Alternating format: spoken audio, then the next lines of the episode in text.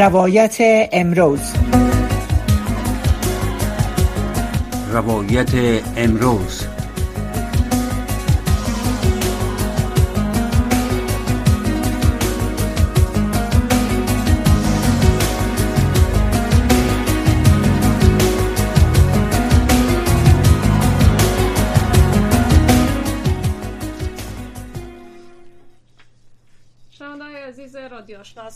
امریکا سلام و وقتتان بخیر.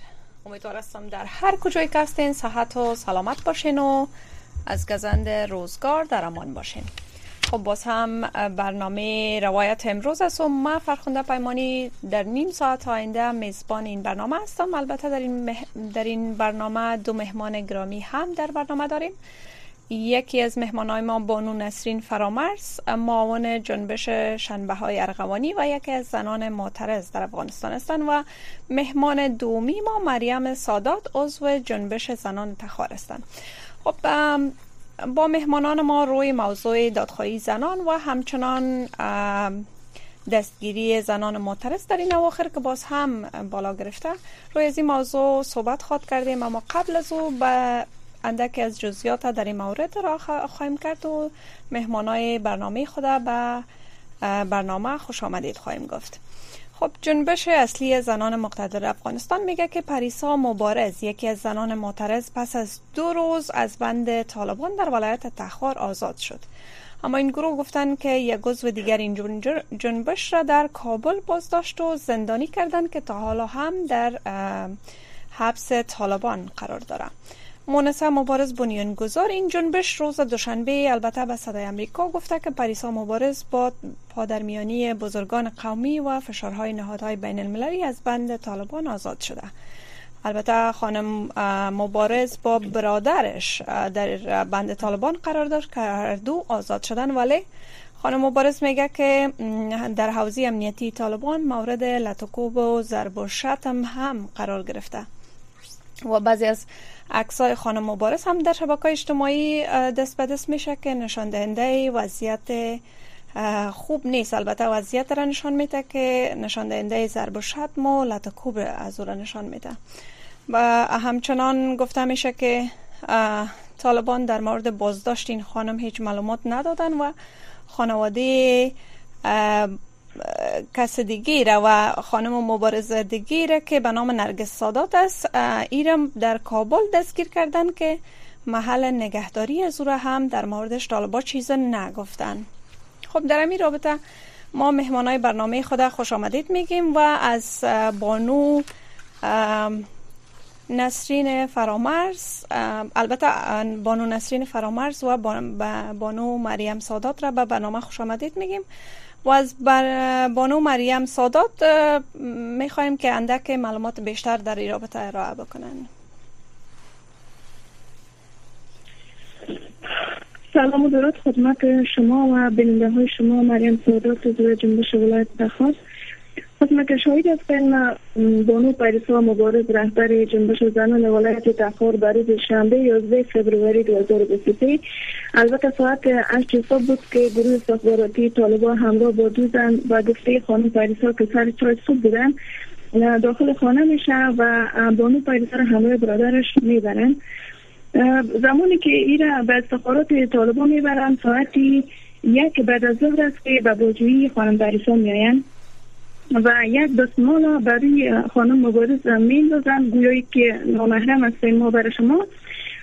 و در مورد امی اعتراضاتی که داشتن و اینکه چرا با رسانه ها مصاحبه داشتن از این بازجویی می‌کنن بعد موبایل بعد می‌خواه که رمز بانو پریسا را رمز موبایلش باز کنه ولی بانو پریسا مبارز میگه که من رمز موبایلم فراموش شده.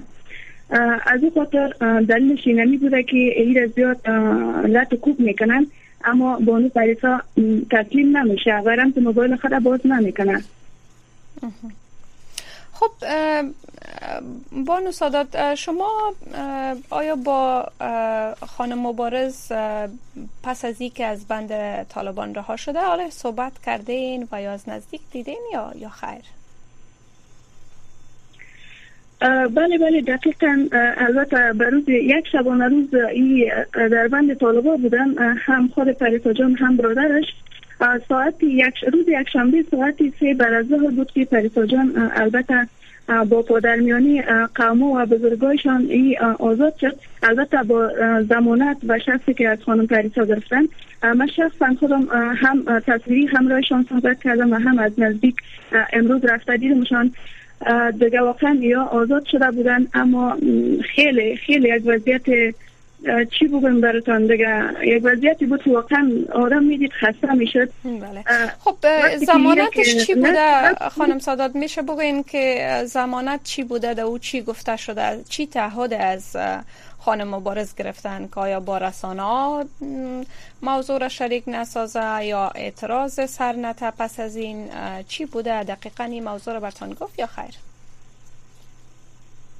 بله تمام موضوعات بر من گفتم. خانم پریسا از یا البته زمانت خط بله دقیقا به خاطر از گرفته بودن که دیگه در رسانه ها آزاد نشوه و اعتراض به هیچ عنوان نباید دیگه اعتراض کنه و از ولایت تخار هم پایش به بیرون نمانه. دیگه گفته که خود ما امنیت تا می‌گیریم در صورتی که کسی که تره حمایه می‌کنه هر سازمانی که تره حمایه می‌کنه هر رسانه که تره حمایه می‌کنه کافی و نام از رو بر ما بگویی ولی پریسا مبارز هیچ چیزی نگفته. گفته که این جنبش ما خود ساخته است و ما از زنان مبارز هستیم و می‌خوایم که از خود دفاع کنیم. دیگه هیچ گپی نیست. زمانی که پریسا مبارز را آزاد کردن ولی گفتن که حداقل برادرش باید یک ماه در بند ما بماند تا که پنج شده به خانواده پریسا مبارز و دیگر زنان مترس. بعد زمانی که علی با پادرمیانی قومشان که زیاد شعله گرفتن برادرش هم آزاد شد. خب بسیار خوب. البته ای در حال است که یونما از مقام های طالبا خواسته بودند که به حقوق بشر و آزادی های اساسی مردم افغانستان احترام بگذارند و اداره همچنان گفته که افغان ها حق دارند نظریات خود را بدون حراس از آزار و اذیت بیان کنند. با همچنان روز گذشته گزارشگر ویژه شورای حقوق بشر سازمان ملل متحد از بازداشت پریسا مبارز توسط طالبان در تخار ابراز نگرانی کرد و خواستار رهایی بیدرنگ از او شد و همچنان پس از او زمانی که نرگس سادات مورد البته مورد بازداشت طالبان قرار گرفت. باز هم امی گزارشگر ویژه شورای حقوق بشر سازمان ملل متحد بر افغانستان باز هم نگرانی خود را اظهار کرده و خواستار رهایی بیدرنگ از او شده. به نظرتان خانم نسرین فرامرز به نظرتان چرا طالبان به تاکید جامعه جهانی و کشورهای که حامی حقوق بشر هستند پروایی نمی‌کنند و به این بازداشت ها و نقص حقوق بشر قسمی که در گزارش ها هم می‌بینیم ادامه میتن سلام درود به شما و به همه شنونده های عزیز شما. در مورد این که چرا طالبا توجهی به محکومیت هایی که از طرف نهادهای بشر و سازمان ملل صادر میشه اینا توجهی نمی‌کنن باید گفت که بدون شک اینا ساختارشان به گونه است که باید از اون مطابقت بکنن یعنی ساختارشان تقاضا می‌کنن و دیدگاهشان و ایدئولوژی از اونا به می شکل است که زنا به نظر اونا یک جنس دوم یا شهروند درجه دو معلوم میشه و این مذکوره از اونا هست. و تا زمانی که فشارها بیشتر از این نشه و جدیتر از این نشه خصوصا ای که حمایت های مالی از اینا قطع نشه بدون شک اینا به صحبت های نهادهای حقوق بشر توجه نخواد کردن همچنان که حقوق زنان را نقض می‌کنن حقوق بقیه شهروندای افغانستان همچنان نقض میشه خب البته ای در حال است که دیدبان حقوق بشر هم همواره میگه که طالبان پس از رسیدن به قدرت در ماه آگوست 2021 به طور سیستماتیک و گسترده قوانین و پالیسی های را بر زنان و دختران تحمیل کردن که آنان را از حقوق اولیشان محروم می‌کنه. به نظرتان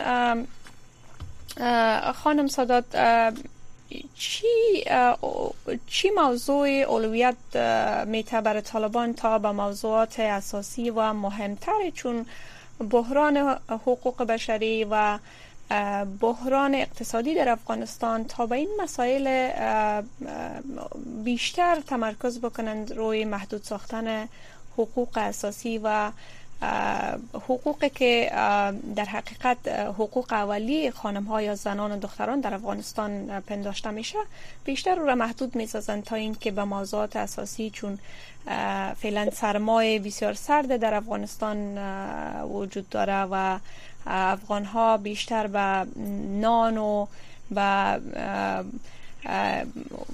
وسایل گرم کننده خانه هایشان نیاز دارن. اقتصاد بسیار در وضعیت بد قرار داره. چی فکر می‌کنین؟ چی موضوع اینها را بیشتر جذب می‌کنه تا به موضوعات زنان بیشتر تمرکز بکنن؟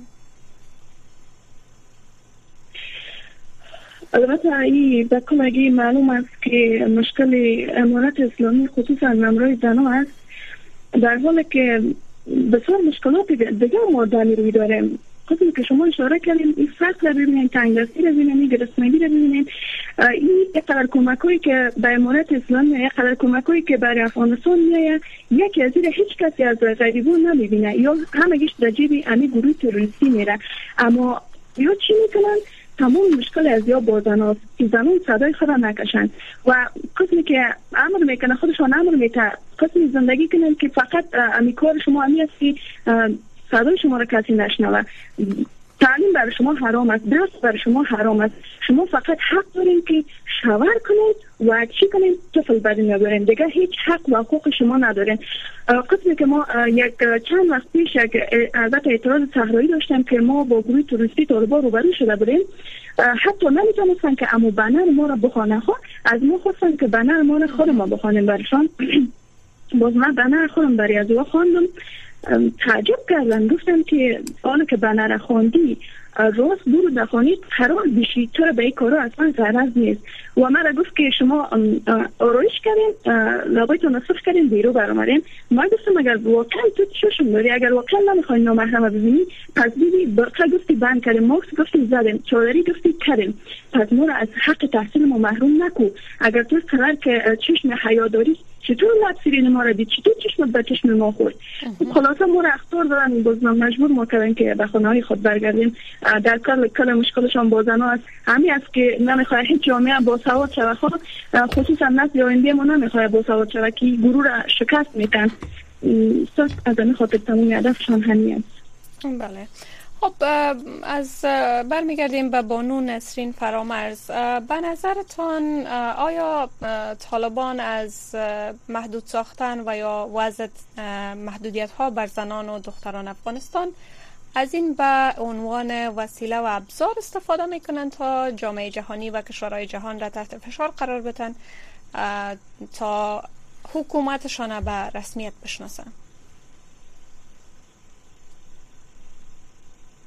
تشکر. بله تا جایی که ما می‌بینیم به خاطر که بعد از اینکه این جمع حاکم به قدرت رسید در افغانستان کل فوکس اینا معمولا روی خانمای افغانستان روی مهدی سازی اینا بوده. و یک نوع سعی می‌کنن که از این طریق فشارهای را وارد بکنن تا به یک شکل از طریق جامعه جهانی و سازمان ملل اینا به رسمیت شناخته شود. در حالی که باید اینا کار را بکنن که امو میارهای حقوق بشری را که در سطح بین الملل پذیرفته شده و همچنان حقوق زنان را که افغانستان میثاقهایی را داره در قسمت قانون اساسیش و می اساس سوار است و تعهدات بین المللی داره و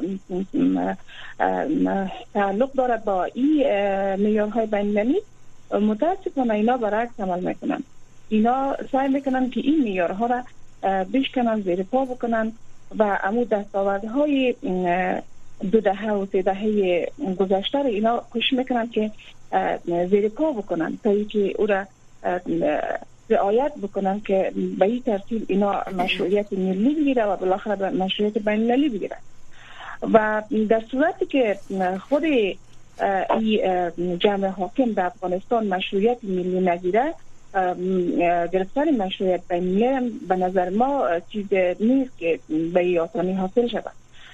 به دلیلی که اگر قرار است اینا مطابق ادعای خودشان در افغانستان حاکم باشه و حکومت بکنن اینا در یک صورت می‌تونن که حکومت بکنن که رضایت امی شهروندای افغانستان بگیره قوانین افغانستان که سالها سرش کار شده اینا رعایت بکنن بر رسمیت بشناسن. و رضایت شهروندان را بگیره رضایت نیم نفوذ جامعه را رضایت بگیره تا که اینا مشروعیت بین المللی کسب بکنن مشروعیت ملی بگیرن. بعد مشروعیت بین المللی ولی متاسفانه قسمی که شما اشاره کردیم اینا تلاش می‌کنن که از این طریق فشار وارد بکنه بالای جامعه جهانی تا که اینا مشروعیت بگیرن. بله. خب یکی از شرایط عمده و اساسی که کشورهای جهان و بیشتر نهادهای حامی حقوق بشر در افغانستان بیرون از افغانستان برای مشروعیت بخشیدن برای طالبان تعیین کردن و شرط گذاشتن حکومت فراگیر و همچنان مشروعیت داخلی حکومتشان است. که اونا گفتن شرط اساسی این است که مردم افغانستان مخصوصا زنان افغانستان خود را در امن احساس کنند و تمام حقوق اولیشان و تمام حقوق و امتیازات را که البته دستاوردهایی را که در 20 سال گذشته زنان افغانستان داشتن برشان به شکل واقعیش دوباره پس داده شود. در حال که می‌بینیم که در این مدت تقریبا 18 ماه حاکمیت طالبان بر افغانستان تقریبا در حدود بیشتر از 80 درصد حقوق آزادی های فردی زنان افغانستان از دستشان رفته. که از او جمله می‌تونیم موضوع آموزش موضوع کار زنان در نهادهای دولتی و خصوصی را نام ببریم و همین گونه در بخش رسانه ها و دیگر بخش های اجتماعی و بخش تجارتی که زنان اکثرا کارهای تجارت های خورده و کوچک را انجام می‌دادن و در بسیاری موارد سهم داشتن که تمام از او در حقیقت به تدریج از دست زنان افغانستان رفته و به همین لحاظ اعتراضات و انتقادات جامعه جهانی را هم حکومت طالبا به امرا داشته. خب در دیدبان حقوق بشر در گزارش 712 صفحه خود وضعیت حقوق بشری را در نزدیک به 100 کشور مورد بررسی قرار داده. و در این گزارش آمده که در مورد افغانستان در جریان سال 2022 گفتن نیروهای امنیتی طالبان خبرنگاران را و افراد منتقد از این گروه را بازداشت کردند. طالبان منصوبین نیروهای امنیتی و دفاعی حکومت پیشین و حامیان شاخه خراسان گروه داعش را ناپدید کردند. بر اساس از این گزارش حتی تا ماه اپریل سال 2022 ساکنان ولایت ننگرهار هرچ صادر در جاده ها میافتند که گمان می رود زندانیان داعش باشند که مخفیانه توسط طالبان اعدام شدند. البته همین گونه در این گزارش دیدبان حقوق بشر. بسیاری از موارد را یادآوری کردند که نشان میده که طالبان نقض حقوق بشری را مرتکب شدند به نظرتان البته سوال متوجه خانم سادات است. تا چی زمان این وضعیت و این مخصوصا وضعیت بعد زنان که حقوق اساسیشون را از دست میدن تا چی زمان ادامه پیدا خواهد کرد؟ البته اجده ما شده از آمدن این گروه توریستی که به ساله البته به ساله زحمت های کشیدگی مردم برباد برده برباد فنا داده. قسمی که خودتان اشاره کردین کسایی که در ادارات دولتی بود رسانه ها بودن در افغانستان در خصوصی ها بودن.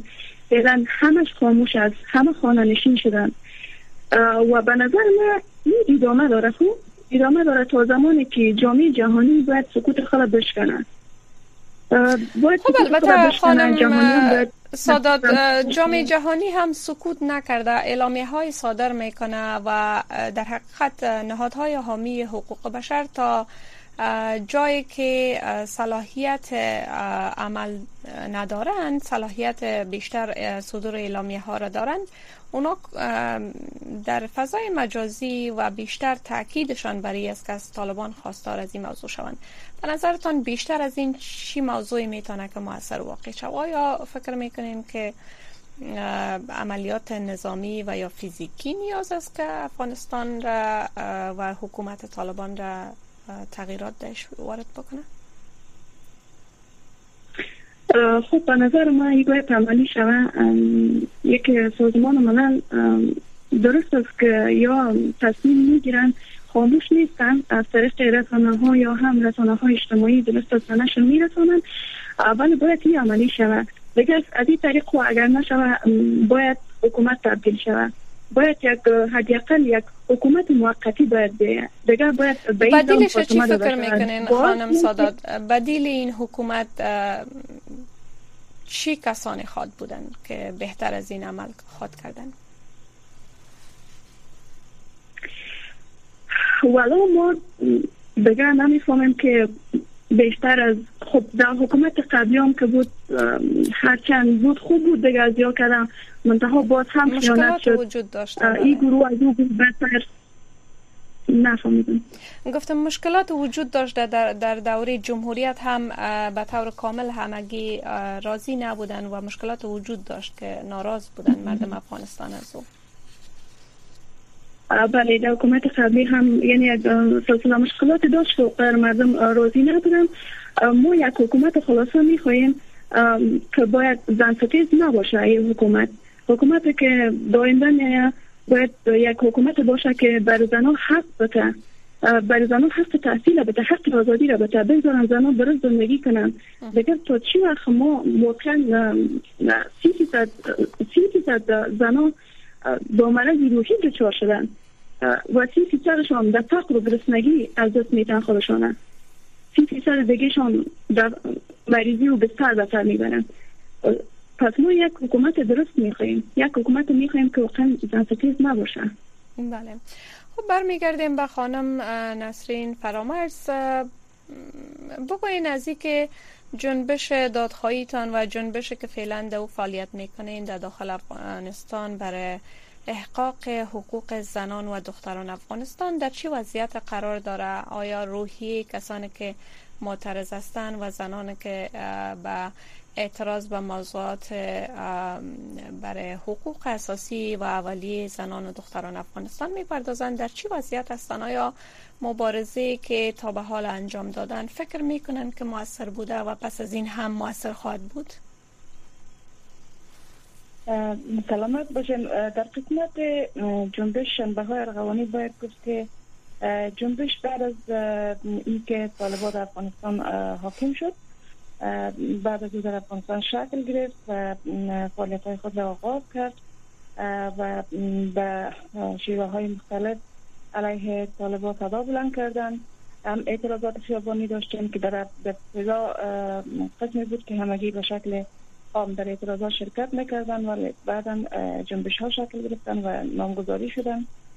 دیگه جنبش انده های ارغوانی هم به این شکل رسمیت گرفت و رسما فعالیت خود را آغاز کرد که در محیط بسته در اعتراضات خیابانی داشتن و همچنان در فضای مجازی در برابر این محدودیت هایی که طالبا هر روز بیشتر از روز بر زنای افغانستان وضع می‌کنن. اینا اعتراضات خود را داشتن با روحیه بسیار بالا و قسمی که از نامش پیدا است.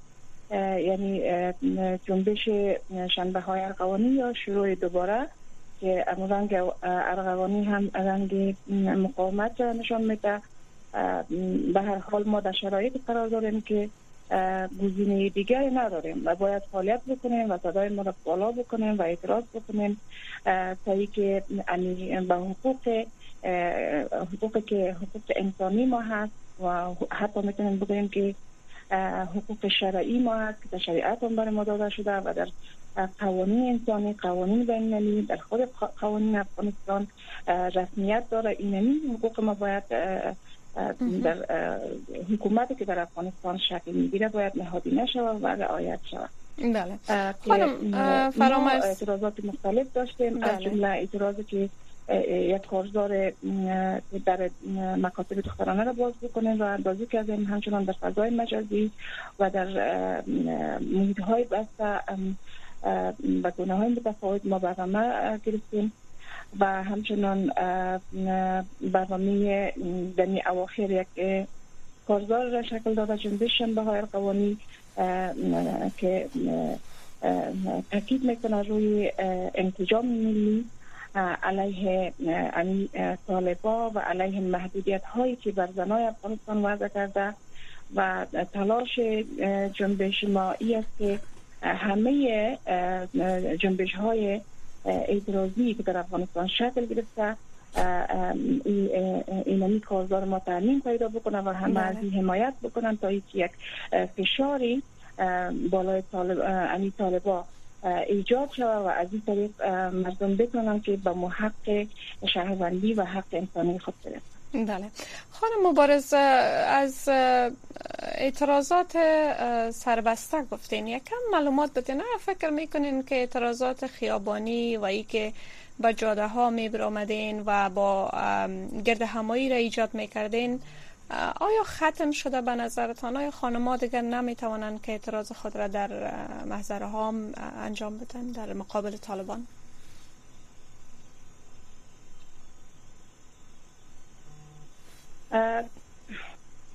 اگر سوال متوجه ما باشه باید بله متوجه شماست خانم فرامرز. بله بله. صدای ما هیچ وقت خاموش نخواد شد. گرچه ما دستگیر شدیم بازجویی شدیم مورد خشونت فیزیکی قرار گرفتیم. ولی ما چیزی که حق ما است و او حق را که به اساس میارهای بین و اساس شریعتی که ما از او پیروی می‌کنیم و نفوذ افغانستان همیشه از دین اسلام حمایت می‌کنن ما خواهان او هستیم. و به هر شکلی که باشه ما با اعتراضات خود ادامه خود دادیم بله. و استادگی خود کردیم در برابر این محدودیت ها و محرومیت ها و می‌تونیم بگیم در برابر این ستم جنسیتی که علیه زنای افغانستان جریان بله. خب میشه خانم فرامرزازی که یادآوری کردین که شما حتی دستگیر شدین مورد خشونت قرار گرفتین. آیا شخصا شما تجربه کردین که طالبان با شما برخورد خشونت آمیز کرده باشه و مورد توهین و تحقیر در جریان که شما به اعتراضاتتان می پرداختین قرار گرفته باشین؟ بله من خودم شخصا در اعتراض سیزده اگست البته مناسبت 15 اگست بود که یک سالگی حکومت طالبان افغانستان بود که زنها را به گونه تدریجی دخترهای بالاتر از شش از رفتن مکاتب محروم کرده بودند و خانم را از ادارات دولتی منصرف می‌کردن و به این ترتیب محدودیت های دیگی که وضع شده بود و وضعیت پایین اقتصادی مردم افغانستان بیکاری. این همین مسائل باعث شد که جمع از جنبش های که در افغانستان شکل گرفته. اینا یک اعتراض را داشته باشند و در اون اعتراضی که ما داشتیم البته همه جنبش های زنای افغانستان در اوج حضور داشتن. و شاید شما از طریق رسانه ها دیده باشیم که بله. بعد از که تا یک جای ما اعتراض کردیم که از پیش به بهار سمت شروع شده بود اعتراض ما در شروع اینا ممانعت کردن این مولوی های اینا با از سرای خود با طلا و تفنگ احساس شدن که ما اجازه نمیتیم که شما اعتراض انجام بدیم ولی بله. ما با مو چی خود کوشش کردیم با شجاعت خود که پیش بریم و ما اعتراض ما ادامه دادیم تا یک بله. مرحله را پیش رفتیم که متاسفانه اینا یک اصل عمل بسیار شدید را علیه ما انجام دادن این های بسیار شدید و هم بود و از فاصله بله. بسیار نزدیک بلندتر ما اینا فر می‌کردن و ما مجبور به شدیم که پراغنده شدیم و بعد از اینکه. پراغنده شدیم اینا یک جمع که ما دوازده نفر بودیم در اوجه خانم مونسا مبارز هم اونجا بود بله. خب متاسفانه برنامه ما رو به اتمام است بله یک جان تشکر از که با برنامه حضور پیدا کردین خانم نسرین فرامرز و خانم مریم سادات یک جان تشکر از که در این بخش برنامه حضور داشتین و با شنوندای عزیز تجربتان شدیک ساختین یک جان ممنون